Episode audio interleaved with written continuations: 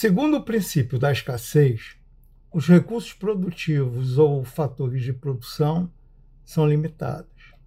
A combinação de fatores de produção escassos possibilita a produção de bens e serviços finais, os quais também são limitados. Na medida em que há escassez, é preciso fazer escolhas. Não se pode ter tudo simultaneamente, nem mais de um determinado produto ou serviço, sem reduzir a quantidade de outro bem ou serviço. É nesse contexto de escolhas, de tomada de decisão, em função da escassez, que surge o conceito de custo de oportunidade. Famílias, empresas e governo são agentes econômicos que estão, obviamente, sujeitos à lei da escassez. Isso implica dizer que eles não devem desrespeitar o princípio do orçamento equilibrado. Quando o indivíduo gasta além de seus recursos, assumindo dívidas com o sistema bancário, ele está desrespeitando o princípio do orçamento equilibrado. No caso de assunção de dívidas, o indivíduo tem duas opções. A primeira é reduzir o seu consumo, considerando a sua renda fixa no curto prazo para poder honrar o compromisso com a amortização do principal e o pagamento de juros vinculados à dívida assumida. A outra opção é ele não pagar. Com a inadimplência, o seu nome será negativado, o nome será inscrito no SPC. Ele não gozará mais de credibilidade ficará impedido de comprar prazo, além de estar sujeito à cobrança judicial. Perde credibilidade. Situação análoga acontece com as empresas. No limite, elas podem encerrar as suas atividades comerciais. Elas podem falir. Segue-se, portanto, que o comportamento virtuoso recomenda que se tenha um orçamento equilibrado.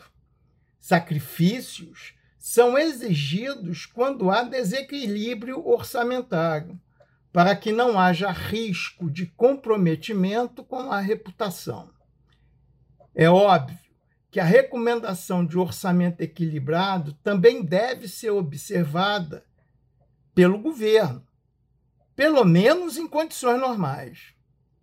Caso haja déficit público, ou seja, desequilíbrio orçamentário, cabe ao governo cortar gastos excessivos, elevar receitas tributárias ou promover uma combinação de ambas. Por que o déficit público é tão ameaçador? Por causa da forma de seu financiamento. Enquanto a empresa financia o seu desequilíbrio orçamentário quando não consegue reduzir gastos ou elevar sua receita, no sistema financeiro, o governo financia o déficit público por meio da emissão de moeda ou por intermédio da colocação líquida de títulos públicos federais. Quando emite moeda, a elevação da inflação. A inflação é um tributo espúrio que tira poder aquisitivo dos mais pobres. Quando provoca inflação, o governo gera simultaneamente mais pobreza, agravando a distribuição desigual de renda. Ele agrava as duas coisas ao mesmo tempo. Quando emite liquidamente títulos, o governo assume o compromisso de pagar mais juros no futuro, além de ser obrigado a resgatar os títulos, o que impactará, impactará o déficit público por meio do aumento do serviço da dívida, que é o pagamento desses juros. Em ambos os casos, a credibilidade do governo fica comprometida, afugentando investidores cegos. Na realidade, não existe mercado de concorrência pura, tal como ele é postulado na teoria. Mas os mercados de produtos agrícolas são parecidos com o de concorrência perfeita teórico. No Brasil, a concorrência existente nos mercados de produtos agrícolas produzidos para fins de alimentação da população pode ser tipificada como bastante concorrencial. O preço de equilíbrio dos produtos agrícolas é muito sensível às condições de oferta e demanda. As tradicionais feiras semanais de bairro ilustram o funcionamento dos mercados mais concorrenciais. O oligopólio é muito comum no Brasil. O preço nesse mercado não é sensível à oferta e à demanda, mas são geralmente estabelecidos com a regra de markup, no qual se utiliza o custo variável médio como base, em cima da qual se aplica uma margem considerada suficiente para cobrir os custos fixos médios e o lucro médio. Os oligopólios estão associados a indústrias com grandes barreiras à entrada. No início da Revolução Industrial, o requisito necessário de capital era relativamente pequeno. De fato, o historiador David Landes, catedrático da Universidade de Harvard, afirma que as primeiras máquinas eram engenhocas rudimentares de madeira. Elas podiam ser construídas na Inglaterra por pequenas somas por ocasião da Revolução Industrial na segunda metade do século XVIII. O Plano de Metas, que foi um importante programa de industrialização e modernização desenvolvido no governo Kubitschek, incentivou o ingresso de grandes oligopólios internacionais na indústria de bens duráveis. A Volkswagen brasileira é dessa época. O primeiro Fusca sedã montado no Brasil foi lançado em 1959. No Brasil, cabe ao Conselho Administrativo de Defesa Econômico, CAD, fiscalizar, prevenir e apurar abusos de poder econômico, defendendo assim a liberdade de iniciativa e a livre concorrência. O PIB é conceituado como somatório de bens e serviços finais que é produzido em determinado ano é o PIB, que possibilita o atendimento de necessidades humanas, as quais são ilimitadas. Nesse contexto, a taxa de crescimento sustentável do PIB é condição necessária ao aumento de prosperidade da sociedade. É condição necessária, embora não seja suficiente. Isso aí é muito importante ter em mente. Não basta ter crescimento do PIB para ter prosperidade. Foram taxas sustentáveis de crescimento do PIB que possibilitaram Japão, Taiwan e Hong Kong construírem sociedades prósperas após a Segunda Guerra Mundial. Obviamente, não foi apenas a taxa de crescimento do PIB, taxa, as taxas sustentáveis. Outras Outras variáveis participaram. Nós vamos tocar nessas outras variáveis adiante. É importante notar que, para o crescimento sustentável do PIB, é indispensável que haja, que haja elevação de volume e, principalmente, de maior qualificação dos fatores de produção ou recursos produtivos. Em outros dizeres, é preciso que haja ampliação de recursos naturais, haja ampliação e maior qualificação da população economicamente ativa e que haja também não apenas crescimento do fator de produção capital, lembrando que ele é constituído de máquinas, equipamentos, instalações, prédios, etc., mas também tecnologia mais avançada nele, no fator de produção capital incorporada. A maior capacitação do fator de produção trabalho é um desafio que não pode ser ignorado quando se almeja uma sociedade próspera. A existência de um sistema educacional de excelência, considerando os níveis fundamental, médio e superior, alicerça solidamente o crescimento sustentável do PIB. Não há prosperidade sem educação de excelência. De fato, o PIB pode crescer de forma sustentável sem que a sociedade experimente prosperidade. Prosperidade está intimamente relacionada ao desenvolvimento econômico.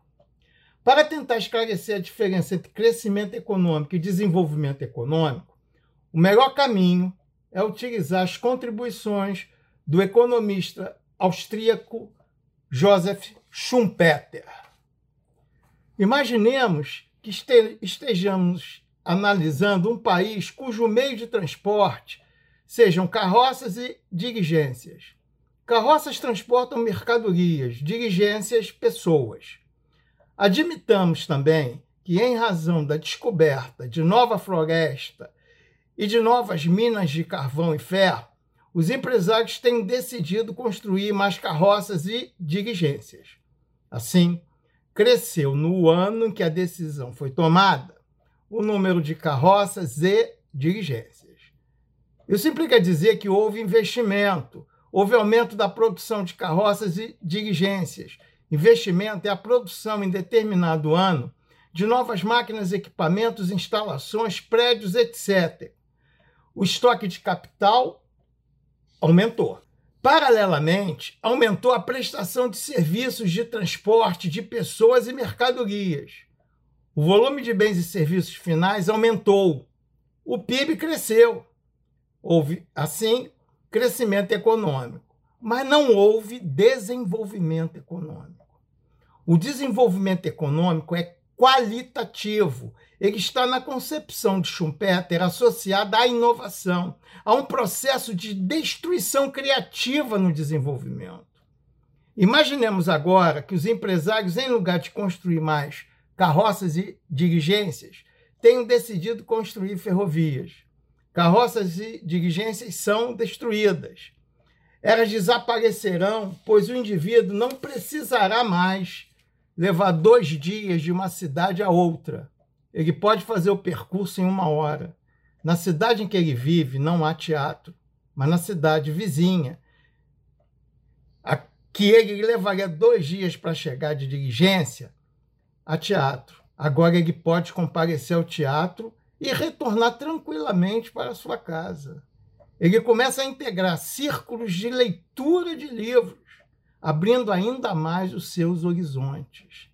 Em alguns anos, ele perceberá a realidade de outra forma. Paralelamente, a produção de leite fresco foi ampliada, pois os produtores que levariam dois dias para chegar com sua mercadoria para vender na cidade vizinha, agora poderão levá-la em somente uma hora. Os mercados são ampliados. Houve destruição com a introdução das ferrovias, mas a criação decorrente de sua introdução foi espetacular. Estamos falando de desenvolvimento econômico. O desenvolvimento econômico sustentável implica melhor educação, melhor distribuição de renda, qualidade de vida, cuidado com o meio ambiente, etc. Quando as decisões econômicas são tomadas com base nos sinais enviados pelo mercado, as empresas sabem o que deve ser produzido e quanto devem produzir. Em economia de mercado, a empresa busca o lucro e o consumidor satisfação, sendo suas escolhas restringidas por sua renda. Como busca o lucro, o empresário utilizará a combinação mais eficiente de fatores que lhe permita extrair a maior produtividade possível, pois, agindo dessa forma, a empresa terá menores custos de produção Considerando uma dada receita de venda, custos menores representarão lucros maiores. Em todas as economias de mercado, inclusive a brasileira, existirá equilíbrio. Convém notar que o mercado é impessoal. não há garantia de que o equilíbrio seja justo do ponto de vista social. A economia de mercado encontra seu equilíbrio num ponto, naquele ponto em que a oferta é igual à demanda. A quantidade da mercadoria no ponto de equilíbrio de qualquer mercado individual está relacionada aos consumidores que puderam e estiveram dispostos a, a pagar ao preço estabelecido pela interseção entre a curva de demanda e oferta. Haverá, naturalmente, consumidor que não poderá comprar o produto ao preço de equilíbrio, porque ele não tem renda, ou ele não tem interesse de comprá-lo a aquele preço. O equilíbrio de mercado pode ser adversamente influenciado quando o governo não coíbe práticas monopolistas. Também é negativamente influenciado quando há déficit público crescente, financiados com emissão de moeda. Por quê? Porque nesse caso vamos ter inflação. E a inflação, ela distorce o sistema de preços relativos. O equilíbrio também é influenciado nos segmentos em que, em que o governo participa, quando ele pratica preços administrados equivocados, o que é frequente, porque o governo é um péssimo gerente. Quando o governo estabelece uma legislação tributária caótica, ele também interfere no, no, no equilíbrio de todos os mercados. Em síntese, nos casos em que o governo produz ruído nos sinais de mercado, o equilíbrio se distancia muito do ideal. A política fiscal está relacionada aos gastos e às receitas tributárias do governo. Em condições normais, considerando o orçamento equilibrado, o governo deve financiar seus gastos com os tributos arrecadados. Os gastos devem ser criteriosamente definidos, sempre levando em consideração o interesse público. Devem ser priorizados os gastos com educação, saúde, saneamento básico e segurança pública. Quando há necessidade de investimento público, como construção de hospitais ou escola, escolas em áreas carentes, o governo pode fazer a colocação de títulos públicos federais com prazo suficientemente alongado para evitar ser necessário realizar uma rolagem de dívida muito expressiva no curto prazo. A dívida pública deve ser reduzida em tempos de bonança, quando crescem o PIB e a renda nacional e, consequentemente, a receita tributária. A dívida interna deve representar um percentual razoável do PIB, uma relação de 50% entre dívida e PIB, exibindo um perfil alongado, pode ser considerado razoável. Relação PIB-dívida interna elevada provoca desconfiança e acarreta a formação de expectativas pessimistas entre os investidores não se pode emitir dívida para financiar gastos correntes. Com orçamento equilibrado, o déficit público primário é zero, atestando a existência de governo responsável. Todavia, convém registrar que, quando nos deparamos com situações de calamidade pública ou guerra, não cabe a preocupação com equilíbrio fiscal. O déficit público tem que crescer para salvar vidas. A política monetária está relacionada à manutenção de estabilidade de preços na economia. No regime de metas inflacionários adotado no Brasil, cabe ao Banco Central monitorar a taxa de juros com o objetivo precípio de não permitir que a inflação exceda determinada meta prefixada. Se a inflação estiver acima da meta, caberá ao Banco Central aumentar a taxa de juros. Se a inflação estiver abaixo da meta, caberá ao Banco Central reduzir a taxa de juros. Essa é a razão pela qual a taxa de juros vem sendo reduzida ao longo do tempo. Assim, no regime de metas inflacionárias, caberá ao Banco Central zelar pela estabilidade do poder de compra da moeda. Ao Banco Central cabe impedir que a inflação comprometa essa estabilidade. Nesse contexto, o aumento do nível de emprego e produto não é função do Banco Central. Admite-se que variáveis nominais, tal como a taxa de juros, não o poder de alterar de forma sustentável o emprego, o produto e a renda. Imagina-se que somente variáveis reais, como a maior qualificação e a elevação de produtividade do fator de produção trabalho, podem influenciar de forma sustentável e a longo prazo o nível de emprego, produto e renda.